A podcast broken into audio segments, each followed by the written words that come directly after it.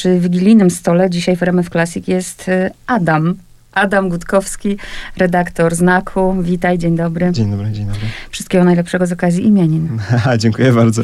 Choć muszę przyznać, że od już jakiegoś czasu już nie obchodzę ich 20, znaczy od dłuższego czasu nie obchodzę ich 24 grudnia, dlatego że jak miałem lat 7-8, było mi bardzo smutno, że nikt nie przejmuje się moimi imieninami. A. Nie mam osobnej imprezy, osobnych prezentów, tylko wszystko jest jakoś połączone ze świętami.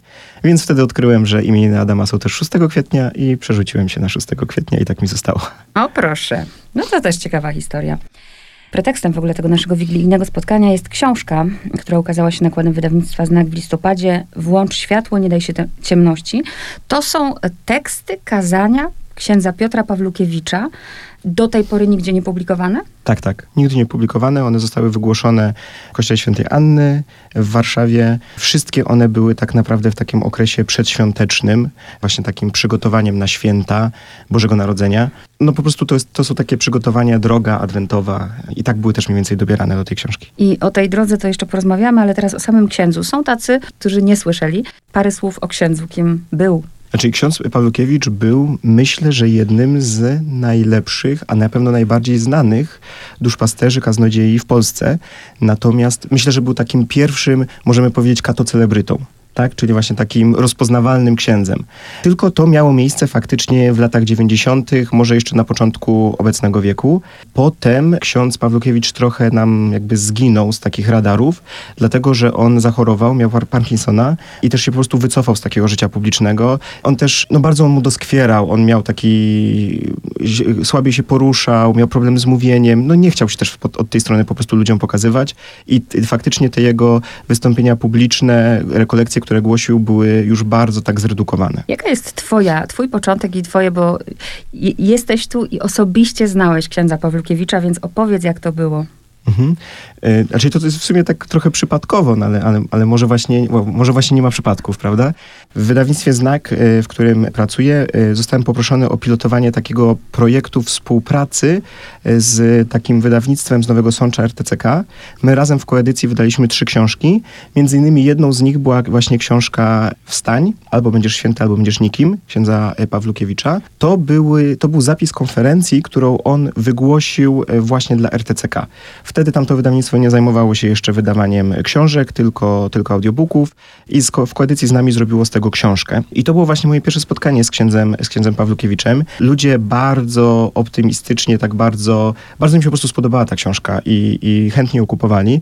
Dlatego też chcieliśmy jakby dać im trochę więcej, bo, bo widzieliśmy, że, że jest ogromny potencjał w tym, co ksiądz Pawlukiewicz mówi, ale też mówił kiedyś, bo jego różne kazania, różne jego homilie, konferencje są bardzo uniwersalne. One, pomimo tego, że często zostały wygłoszone przed 20 laty, prawda, one są ciągle aktualne. Jedyne, co to się gdzieś tam, powiedzmy, jest jakiś problem z tym, że przykłady, których używa, no to są, czy tam, on się bardzo często powołuje na jakieś filmy, przykłady z jakiejś pracy, no to są filmy i prasa sprzed 20 lat, nie? No ale to jesteśmy, my, my znamy te filmy, no jeżeli powołuje się na Matrixa, no to my znamy Matrixa, no jakby co prawda nie wszedł dopiero co do kin, ale, ale wszyscy, wszyscy go znamy. I wtedy właśnie wracając do, do klu tej, tej opowieści, pojawił się pomysł, żebyśmy wydali kolejną książkę z księdzem Pawłukiewiczem. On lata temu wydał taką książkę Porozmawiajmy spokojnie o księżach, w którym właśnie chciał zderzyć trochę to, co już wtedy zaczynało się dziać, czyli właśnie takie tarcia na linii księża świeccy. I stwierdziliśmy, że to jest bardzo dobra baza do tego, żeby właśnie spotkać się z nim, wykorzystując tamten tekst, opowiedzieć o tej sytuacji, którą mamy obecnie, prawda? No bo ona się zmienia, ona jest y, tak naprawdę coraz trudniejsza. I wtedy tak naprawdę poznałem księdza e, Piotra bardziej,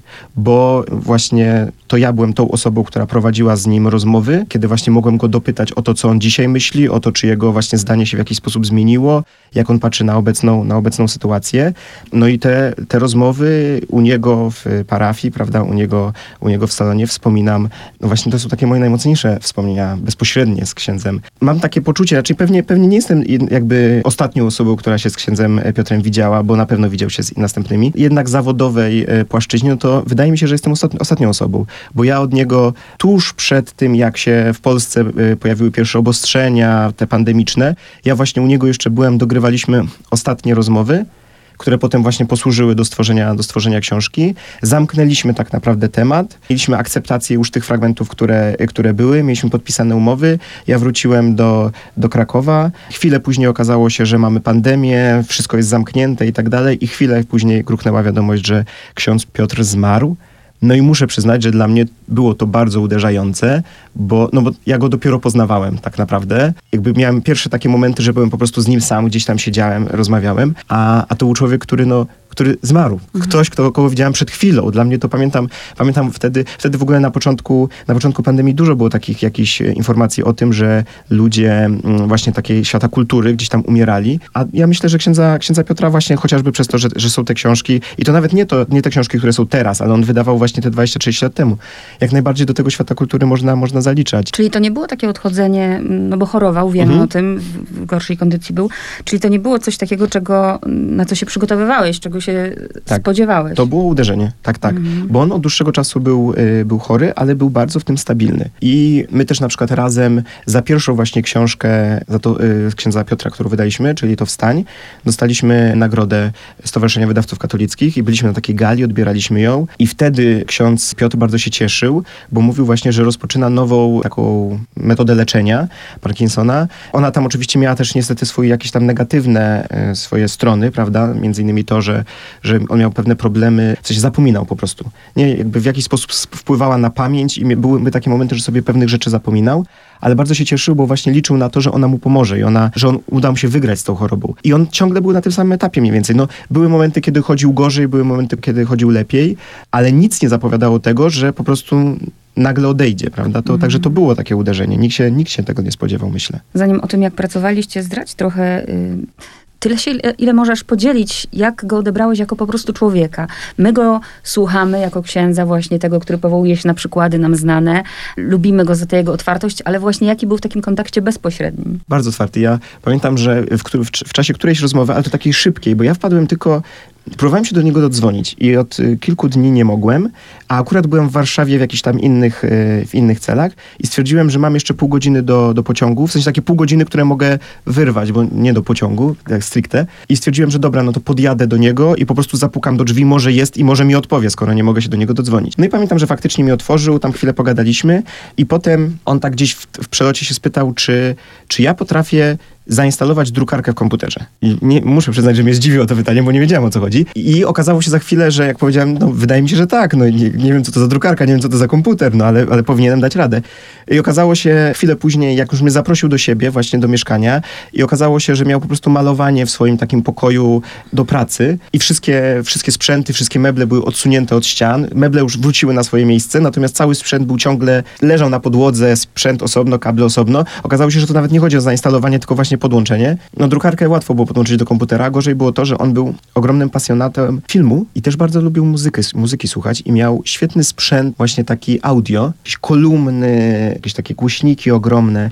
I ja żywcem nie wiedziałem, jak mam to podpinać. Tym bardziej, że tam były jakieś przejściówki, jakieś takie rzeczy, ale pamiętam, że właśnie jakby ta rozmowa z nim, właśnie on mnie tak wypytywał wtedy o szczegóły mojego życia gdzieś tam. On był właśnie tak, tak bardzo chciał mnie poznać i, i też y, właśnie tak opowiadał. Właśnie stąd wiem, że, że te kolumny są mu po to potrzebne, bo on te filmy lubi, muzyki lubi sobie posłuchać i tak dalej.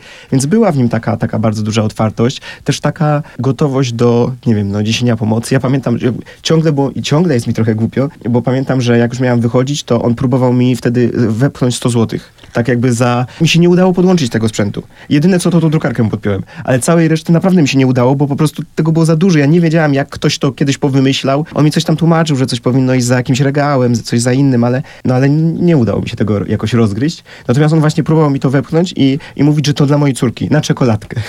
Czyli jak taki, no, taki dobry dziadek. No i, i, to, był, i to, było, to był on. On był właśnie takim bardzo ciepłym człowiekiem. Bar, bardzo ciepłym człowiekiem, któremu też bardzo było trudno uwierzyć w to, że ludzie mogą być źli. I na przykład to właśnie też bardzo mocno wyszło w czasie tych naszych rozmów do tej książki mm, o księżach, że on nie wierzył trochę, że księża naprawdę mogą robić aż takie Mhm. rzeczy. Może nawet nie to, że nie wierzył, no bo on, to nie jest tak, że on kwestionował. On, on mówił, że okej, tak jest, faktycznie, tylko on nie mógł tego zrozumieć. Jak ludzie, którzy są właśnie na piedestale, którzy no, sprawują taką, a nie inną funkcję, mogą dopuszczać się takich rzeczy. Przeszedłeś do tego, do czego ja chciałam przejść, że wszyscy wiemy, są święta Bożego Narodzenia. Też niekoniecznie chcę rozmawiać tylko i wyłącznie w kontekście katolicyzmu, no ale są to święta katolików i księża nie mają naj, najlepszej pasy teraz i prasy. E, I właśnie co on takiego miał, jakbyś to nazwał, co powoduje, że y, ja sama znam mnóstwo osób, które księża nie, Mhm. Pawlukiewicz okej, nie, może być. Co takiego miał? Znaczy ja myślę, że on był bardzo autentyczny. I e, on bardzo często w swoich książkach, w tych swoich w książkach teraz tak, a te książki powstają na podstawie różnych jego nagrań, prawda, konferencji właśnie, czy, czy kazań. On bardzo często w nich, w nich mówił, że no, trzeba się skupić na Chrystusie i robić tak jak Chrystus. I mam takie poczucie, że on po prostu właśnie tak robił. On nie był człowiekiem, e, w sensie, to nie był ksiądz, który w jakiś sposób stara się zwrócić na siebie uwagę, który myśli, to też jest bardzo często tak, że ci księża nie mają złych intencji, ale są tacy księża, którzy chcą być właśnie tacy przebojowi i w, i w tym zjednywać ludzi. I pewnie im się udaje. Problemem jest to, no, że wszyscy wiemy, że księża w parafiach są przenoszeni i jak ten fajny ksiądz, w cudzysłowie fajny, jak on zniknie, to przyjdzie następny, który już taki nie jest i to może po prostu ludzi odstraszać. I ksiądz Pawłukiewicz z- właś- e, właśnie w swoich tych różnych tekstach i nagraniach i, i słowach, on właśnie przestrzegał przed takim byciem fajnym księdzem i mówił, że ten fajny ksiądz wcale nie jest taki fajny. To, że jest fajny nie znaczy, że jest dobry. On bardzo często używał tego porównania, właśnie mówił, że coś jest fajne, ale niedobre. I on nie był właśnie takim fajnym księdzem, on był księdzem bardzo dobrym.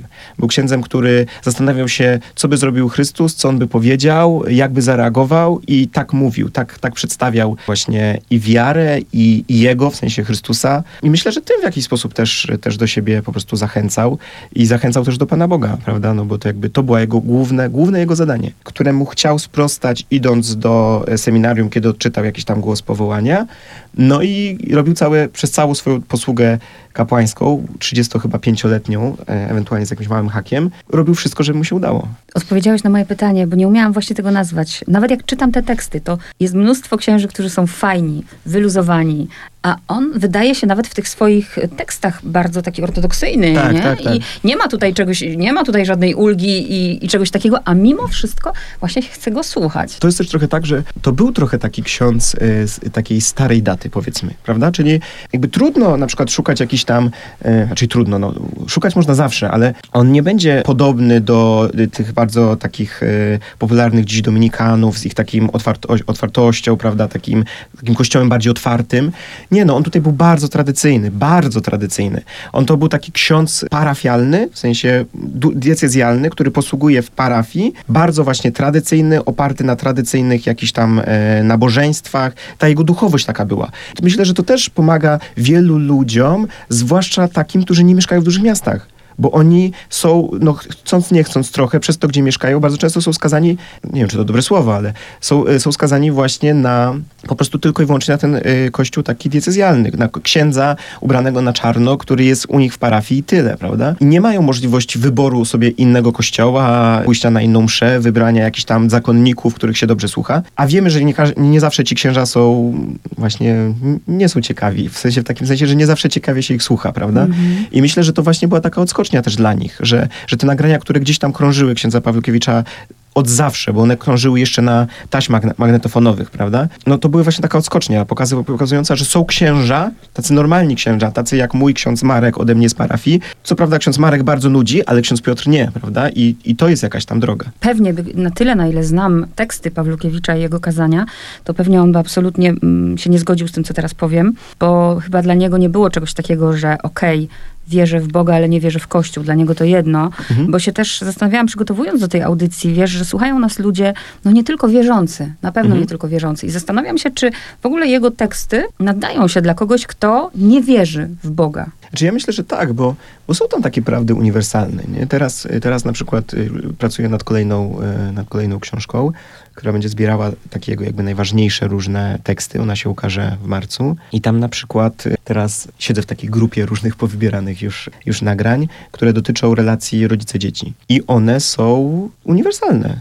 One oczywiście tam, on się też mówi o, o takim wychowaniu w wierze, ale to jest tylko część tych jego, tych jego kazań. On tam bardzo dużo, na przykład mm, w takim ostatnim tekście, nad którym pracowałem, on bardzo dużo mówi właśnie o, o takim byciu przyjacielem dla swojego dziecka. Bardzo mocno to podkreśla i to jest takie trochę kontrowersyjne, bo on na przykład mówi, że dla niego taka przyjaźń z dzieckiem to nie jest partnerstwo. Nie? Że to właśnie nie jest partner, bo matka ma być matką, a dziecko ma być dzieckiem. Ale właśnie on opisuje tę przyjaźń w swoim znaczeniu, jakby, jakby tak, jak on ją rozumie. No i myślę, że to jest właśnie taka, na, na przykład tak, na przykład to jest właśnie taką treścią, którą, z, którą, z której każdy może jakoś gdzieś skorzystać, coś wnieść do swojego życia, coś zmienić. Także myślę, że jak najbardziej znajdzie. Oczywiście, jakby no mówiąc wprost, no nie polecam osobom, które są bardzo antykościelne, prawda, które uważają, że Kościół jest po prostu zły.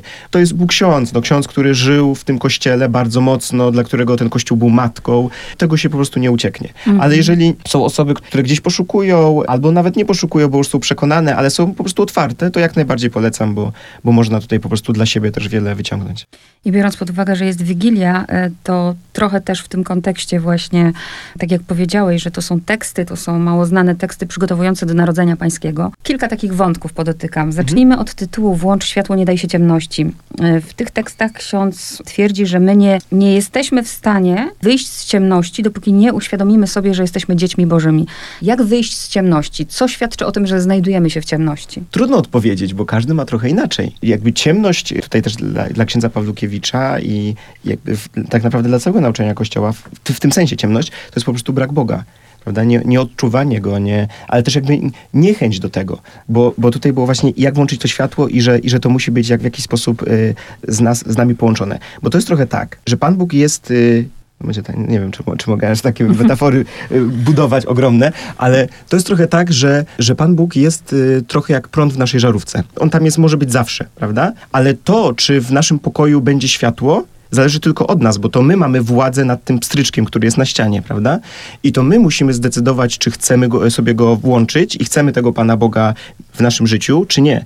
Dlatego jakby, dlatego e, też e, tu jest, e, ten tytuł ma taki, jest taki wzywający do jakiegoś działania, bo, bo to od nas zależy, czy my będziemy chcieli włączyć to światło, Boże światło w naszym życiu, czy nie będziemy tego chcieli zrobić. To jest, to jest jakby całkowicie decyzja każdego człowieka, mhm. on, która też po prostu wypływa z wolnej woli, bo, bo o to w niej chodzi, że wolna wola polega właśnie na tym, że człowiek może odrzucić Boga, jeżeli chce. Załóżmy, ktoś nas teraz słucha. Ja też mam świadomość, jak, jak, jak ta audycja jest krótka i że to wszystko spłycamy, mhm. E, dlatego będę miała też książki dla słuchaczy, ale załóżmy, ktoś nas teraz słucha i, i jest akurat w takim nastroju, jest Wigilia i mówi, dobra, tak, chcę włączyć światło.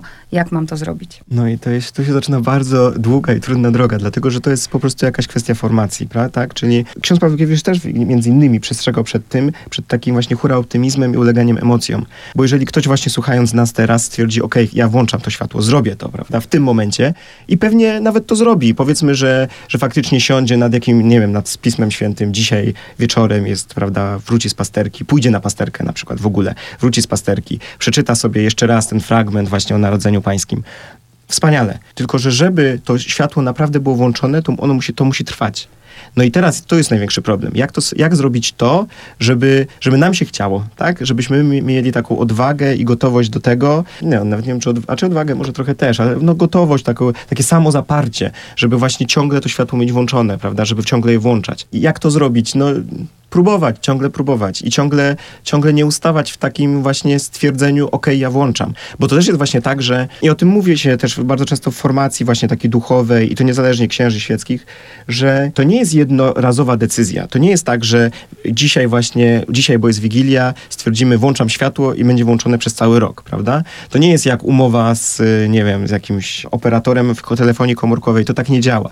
To jest tak, że się wstaje codziennie rano i codziennie rano znów trzeba podjąć tę decyzję, być może trzeba ją podjąć kilka razy w ciągu jednego dnia. I to jest potwornie trudne. Jakby Wybaczcie, drodzy słuchacze, którzy myślicie, że wam się to uda zrobić dzisiaj i, i, to po prostu zadziała przez cały, przez cały rok. No nie stanie się tak, jeżeli nie będzie w was takiej, takiej chęci po prostu codziennego starania się. Natomiast warto, nawet jeśli, nawet jeśli to miałoby się dziać, stać tylko dzisiaj, to i tak warto. No. I tak warto, nawet czysto poznawczo, żeby dowiedzieć się po prostu, jak jest opisane, jak jest opisana kwestia narodzin w, w Ewangelii. To jest proces, to jest praca. Bardzo do mnie przemawia, bardzo mi się podoba ta metafora, zresztą na okładce mamy też właśnie właśnie żarówkę.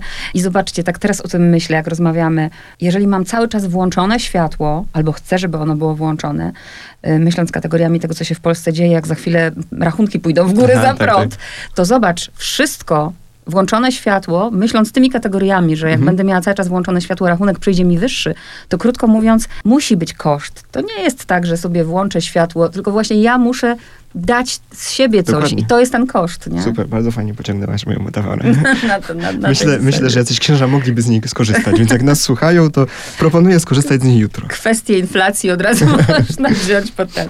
Książka też odpowiada właśnie na pytanie, jak być dobrym chrześcijaninem i jakie ma, jakie ma zadanie chrześcijanin. Ja nawet bym teraz tu nawet odeszła, że chrześcijanin, w ogóle człowiek, bardzo mi się to podoba i ty to rozwiń. On mówi, nasze zadanie jest takie, przeżyć jeden dzień. Mhm. Przeżyć dobrze jeden dzień. Przeżyć Właśnie. dobrze jeden dzień. Właśnie o to chodzi, nie? Żeby, żeby przeżyć go tak, żeby na koniec, kładąc się e, do łóżka, stwierdzić, ok, dzisiaj zrobiłem, dzisiaj jestem w porządku, dzisiaj zrobiłem wszystko, wszystko tak, jak być, być powinno. Bardzo trudno jest odpowiedzieć na pytanie, e, kto to jest dobry chrześcijanin, kto to jest dobry człowiek, prawda? Bo, bo myślę, że ilu ludzi tak, tyle tak naprawdę definicji trochę, trochę tego. No, tu już wcześniej trochę o tym mówiliśmy, że, że dla księdza Pawlukiewicza taki dobry chrześcijanin, no to jest e, człowiek, który żyje po prostu Ewangelią, żyje, żyje, słucha Chrystusa prawda? A w Ewangelii, w Ewangeliach łatwo jest tak naprawdę znaleźć takie bezpośrednie, bezpośrednie nawet właśnie wskazówki, prawda? No mamy historię o dobrym Samarytaninie, prawda? Mamy historię o miłosiernym ojcu, są fragmenty o przypowieść o talentach, prawda?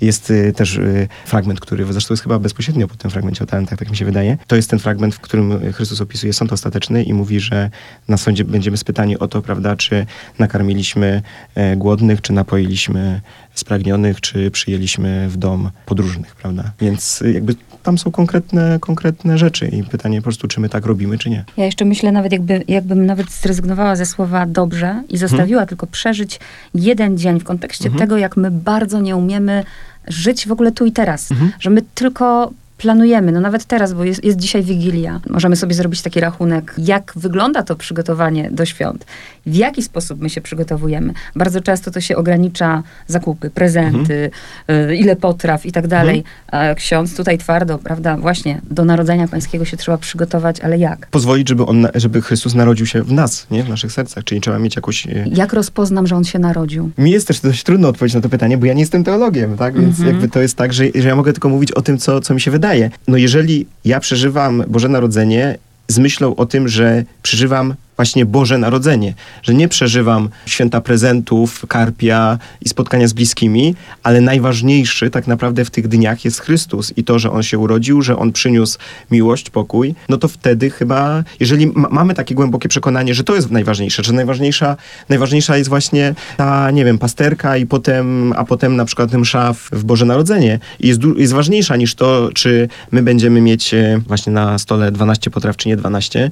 To, to nie w tej książce, ale w którejś po- pozostałych książek e, księdza jest taki przykład rozmowy z jakąś dziewczyną, która mówiła właśnie, że się pokłóciła ze swoją mamą, bo ta mama właśnie nie poszła do kościoła, dlatego, to była jakaś zwykła niedziela, ale nie poszła do kościoła dlatego, że ona miała takie przeświadczenie, że obiad w niedzielę to musi być taki obiad z przytupem. I ona po prostu została w domu, żeby te kotlety właśnie bić i żeby ten obiad był z przytupem, bo ona po prostu tak miała, nie? A ta dziewczyna, jakaś tam uczestniczka jakichś grup właśnie, jakiejś wspólnoty, no miała poczucie, że no nie, no jest niedziela, najważniejsze jest spotkanie z Chrystusem, najważniejsza jest msza święta, a nie to, czy obiad będzie, czy to będzie specjalny obiad właśnie przygotowany specjalnie na niedzielę, czy zjemy to, co było wczoraj, bo po prostu wczoraj zrobimy więcej, prawda? Więc tutaj analogia, no najważniejsze pytanie, najważniej, naj, najważniejszy dla mnie w te święta jest Chrystus, czy nie? Ja właśnie myślę, że to jest też duża wartość i mam taką nadzieję, że to, drodzy słuchacze, dla was jest wartość, że właśnie rozmawia, rozmawia ze sobą dwójka ludzi, właśnie nie jesteśmy teologami. Bardzo fajna jest tutaj rozdział o tym, że każdy człowiek jest opowieścią i myślę też o tym w kontekście Wigilii. Ja nie mówię, że tak jest, ale mm, też to wiem z filmów, też to wiem z opowieści, że bardzo często jest tak, że dzisiaj za chwilę zasiądziemy przy stole albo już siedzimy, najpierw jest uroczyście, najpierw jest fantastycznie, dzielimy się tym opłatkiem, e, zjadamy ten posiłek, a później no w różnych domach to jest różnie, albo siada się przy tym stole, no i co? I o czym się zaczyna mówić? O polityce. Być może tak. Być może właśnie o polityce, o jakichś sytuacjach, o, może pe- pewnie też o kościele, czyli, ale właśnie w takim znaczeniu negatywnym. No być może tak jest. No, jakby kontynuując ten, ten, ten wątek, każdy człowiek jest opowieścią. Właśnie, bo chcę, żebyś powiedział, jakie, jak, czego my nie wiemy. A o czym moglibyśmy przy tym wigilijnym stole rozmawiać? To, to jest właśnie trochę ta otwartość, nie? Czyli właśnie otwartość na drugiego człowieka, chęć w ogóle y, usłyszenia go, zrozumienia go.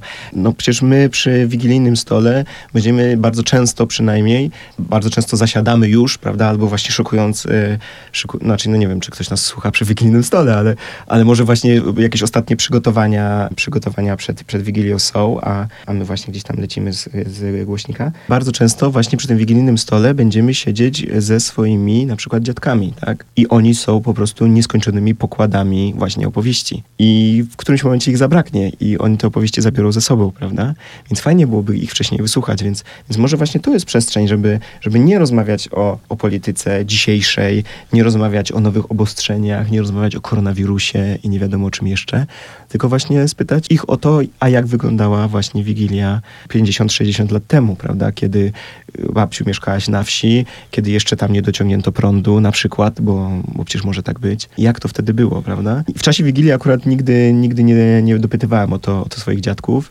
No oni teraz już nie żyją, ale no bardzo, y, no moja babcia na przykład bardzo dużo opowiadała w ogóle o swoim życiu i, i właśnie takich, y, takich, takich opowieści, zwłaszcza ze swojej młodości i tak dalej. I one, tak sobie, jak, sobie teraz o tym myślę, no to po prostu no to było piękne i, i to są takie bardzo mocne też moje wspomnienia gdzieś tam z babci, z babcią. I więc jakby życzę po prostu wszystkim, żeby takie mieli, a, a Wigilia po prostu jest bardzo często taką przestrzenią właśnie ku temu, nie? Ja jestem z pokolenia, gdzie, gdzie wartością naprawdę było to, że babcia, dziadek, y, że są, mają mądrość życiową, Mhm. Dzisiaj często, no niestety, starsi ludzie nawet nie mieszkają z rodziną, mhm. tylko gdzieś tam w domach y, starości. Ksiądz Pawlukiewicz mówi o tym, no właśnie, co wiesz o swoich rodzicach? Czy wiesz w ogóle, mhm. oni w 40 sekund potrafisz powiedzieć, prawda, no poznali się urodziłam mhm. się, koniec. Właśnie może to jest okazja, żeby właśnie nie rozmawiać o tym, co się dzieje, a o tym, co było, jak się poznaliście, powspominać. Ja się bardzo z tym tak naprawdę zgadzam, bo na przykład teraz, jak zaczęłaś o tym mówić o, i przypomniałaś mi ten właśnie fragment o tym, że potrafimy w 40 sekund powiedzieć o, o swoich rodzicach, to ja sobie y, przypomniałem, że ja się dowiedziałem o tym, jak w ogóle poznali się moi rodzice, a potem jak wyglądał ich... E, moi rodzice w ogóle na swoim ślubie widzieli się 13 raz w życiu, nie? Więc to tak potem 12 e, raz, nie, 11 raz to było, e, tata się oświadczył mamie, 12 raz przyjechał, żeby się dowiedzieć, czy ona się zgodziła, bo mieszkali w różnych miastach i 13 raz widzieli się właśnie na ślubie już, więc to było naprawdę poszło bardzo szybko. I, ale ja się właśnie zacząłem się zastanawiać, okej, okay, no ale w ogóle jak to się stało, jak oni się poznali i dowiedziałem się i bardzo w ogóle późno zadałem to pytanie. Przygotowywaliśmy z, mm, z bratem taki prezent dla mojego taty na 60 urodziny, gdzie chcieliśmy mu jakby zrobić taką właśnie e, quasi trochę książkę o nim, prawda? I opisać mu właśnie jego życie, wrzucić tam zdjęcia, które gdzieś tam szukaliśmy w starych albumach. No i właśnie to był pierwszy moment, kiedy ja po prostu podszedłem do mamy i się pytam, no dobra, no ale jak to się stało w ogóle, że wyście się poznali? Bo przecież z różnych miast nie było y, in, inne kierunki studiów, w ogóle jakby inne, inne przestrzenie życia, więc jak, jak, jak to się stało? W ogóle okazało się, że mój tata śledził moją mamę, więc między innymi, ale no jakby to jest taka, taka rzecz, której my nie wiemy, a, a, a którą właśnie świetnie jest poznać, bo, bo ci ludzie żyją dookoła nas, ci ludzie są, są tak naprawdę z nami połączeni, prawda? Oni są związani na całe życie.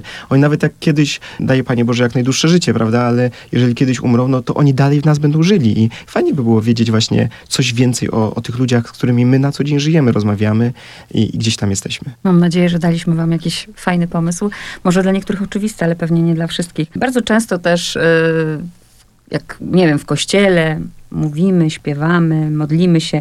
Bardzo często słyszymy, Bóg jest światłością, nie? w kontekście mhm. tego włącz światło. Bóg jest światłością. Ale gdyby tak zapytać, nie wiem, przechodnia, ale co to znaczy, to pewnie wielu by mhm. trochę nie wiedziało, jak odpowiedzieć. Mhm. Jak pomóc zrozumieć co znaczy, że Bóg jest światłością? W sensie, że to jest trochę tak, jak y, idziemy przez jakiś ciemny korytarz, prawda? I jeżeli tam jest naprawdę bardzo ciemno, to my po prostu nie wiemy, czy przypadkiem nie wpadniemy na jakieś krzesło, które stoi pod ścianą, albo czy w ogóle właśnie nie idziemy właśnie w stronę ściany, bo nawet nie wiemy, w którą stronę ten korytarz, gdzie się zaczyna, gdzie się kończy. Natomiast jeżeli na końcu tego korytarza pojawi się światło, to ono nam wskaże drogę, to pierwsza sprawa, a druga sprawa jest taka, że ta poświata bijąca od niego rozświetli nam też na tyle ten korytarz, że nie będziemy wpadać na te krzesła czy ściany. I trochę, właśnie to trochę znaczy, że, że Bóg jest światłością. Że Bóg, to światło rozświetli mroki i dzięki temu będziemy mogli iść, będziemy mogli zmierzać, prawda, ku celowi. Oczywiście to wszystko, wszystko o czym mówimy tak naprawdę dotyczy właśnie tej przestrzeni takiej y, chrześcijańskiej, takiego chrześcijańskiego patrzenia na życie, prawda? Mhm. Ale jeżeli właśnie ktoś tak żyje, to właśnie Bóg jest tym światłem, które pozwala iść do przodu, iść tak naprawdę do Niego. Łatwo nam jest wierzyć w Boga i łatwo nam akceptować, jeżeli wszystko dzieje się tak, jak oczywiście ja sobie zaplanowałam. Mhm. Ale teraz nagle, no nie jest tak, jak ja sobie zaplanowałam y, i bardzo często pojawiają się pretensje do Boga a, a to nie tędy droga. I właśnie zaraz wracam myślą do tego rozdziału, Janie Chrzcicielu, prawda? Ja, y, ja nie wiem, co jest dla mnie dobre. Ale ja myślę, że bardzo często mamy też takie doświadczenia z naszego życia, takiego bardzo ludzkiego, prawda? W sensie nie, że tam jakichś tych, takich duchowych płaszczyzn, tylko takich zwykłych. Podejmujemy jakieś decyzje, myśląc o tym, że to jest najlepsza decyzja, jaką mogliśmy podjąć, a potem bardzo żałujemy, bo, bo wiemy, że mogło być inaczej, prawda? I jeżeli chodzi o naszą, nasze życie duchowe, jest bardzo podobnie. To nie jest tak, że, że my doskonale wiemy, co jest dla nas najlepsze. No bardzo często się zderzamy z, z jakąś rzeczywistością, coś nam się wydaje.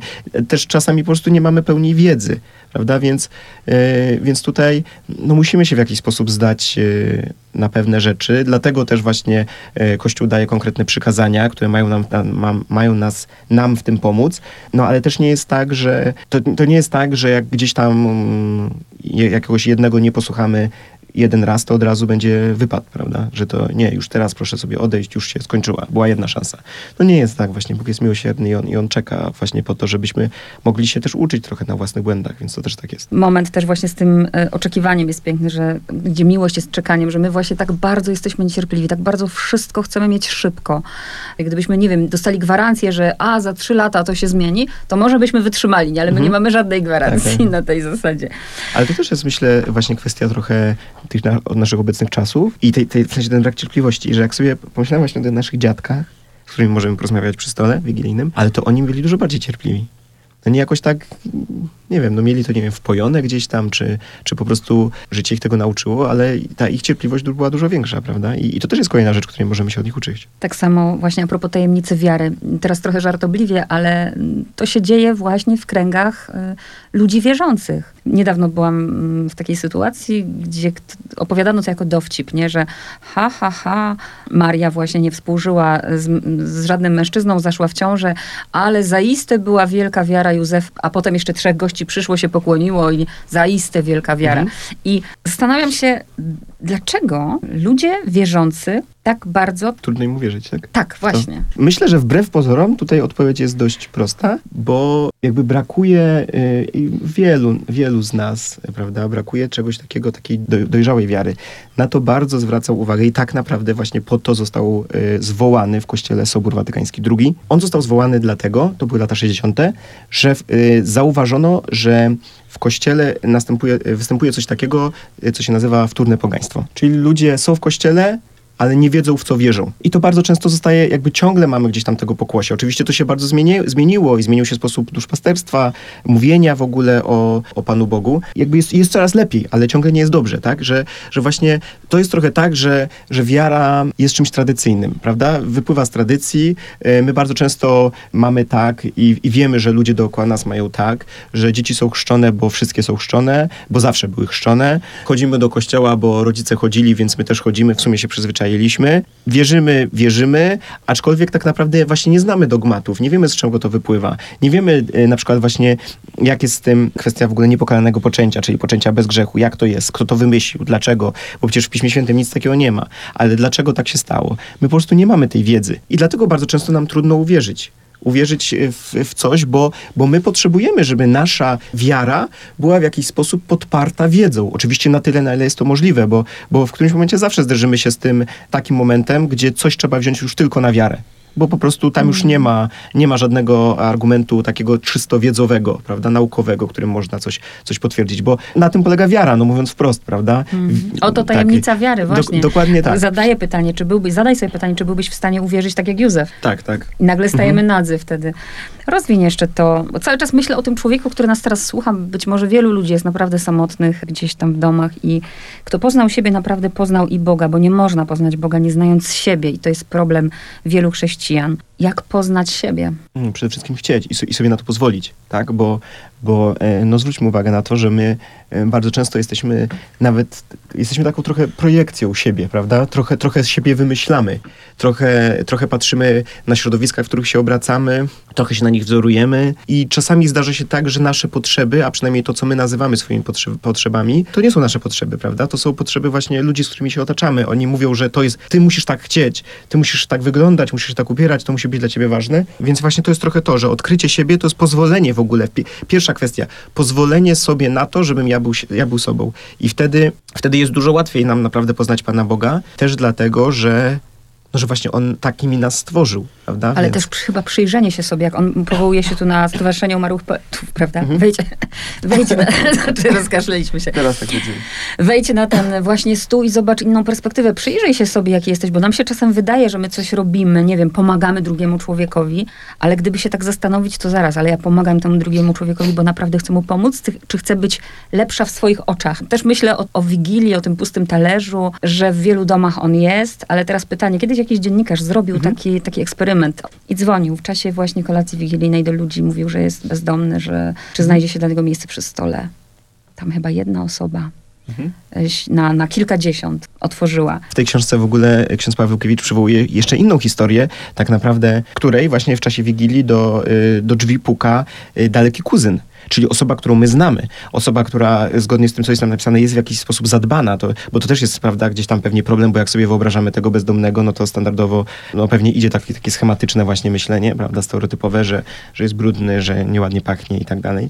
Mm, ale tutaj właśnie był daleki kuzyn, który po prostu y, gdzieś tam chorował, miał jakieś problemy z pamięcią, przypomniał sobie adres, a że wyszedł ze swojego domu, no i trafił do nich, nie? No i tu jest też problem, przyjąć takiego kuzyna, czy nie? No jest to rodzina, więc tak naprawdę nie powinno być problemu. A mimo wszystko ci ludzie ostatecznie go przyjęli, prawda? Ale zastanawiali się nad tym, czy, czy, to, czy to zrobić. I to też jest właśnie pytanie, czy, czy my byśmy w ogóle, nie chodzi już nawet o, y, o tego nieznajomego, takiego nieznajomego, bo to podejrzewam, że jeżeli sobie naprawdę odpowiemy tak zgodnie z, z prawdą, a nie będziemy próbować teraz mówić, że nie, nie, no my byśmy to oczywiście przyjęli, to myślę, że no 95% by powiedziało, no nie, no jednak nie, no, no, trudno byłoby nam przyjąć takiego kogoś totalnie z ulicy. Ale teraz zadajmy sobie drugie pytanie, czy potrafilibyśmy przyjąć właśnie kogoś z rodziny, ale kogoś, kto się nie zapowiedział tak? No bo powiedzmy wiemy, że przyjeżdża do nas brat z żoną i rodzice i będzie nas przy stole 10 osób, ale nagle się okazuje, że przyjeżdża właśnie jakiś kuzyn albo przyjeżdżają, nie wiem, jeszcze rodzice małżonki, prawda? I stoi, siedzi nas przy stole więcej. Czy my byśmy byli gotowi, żeby tak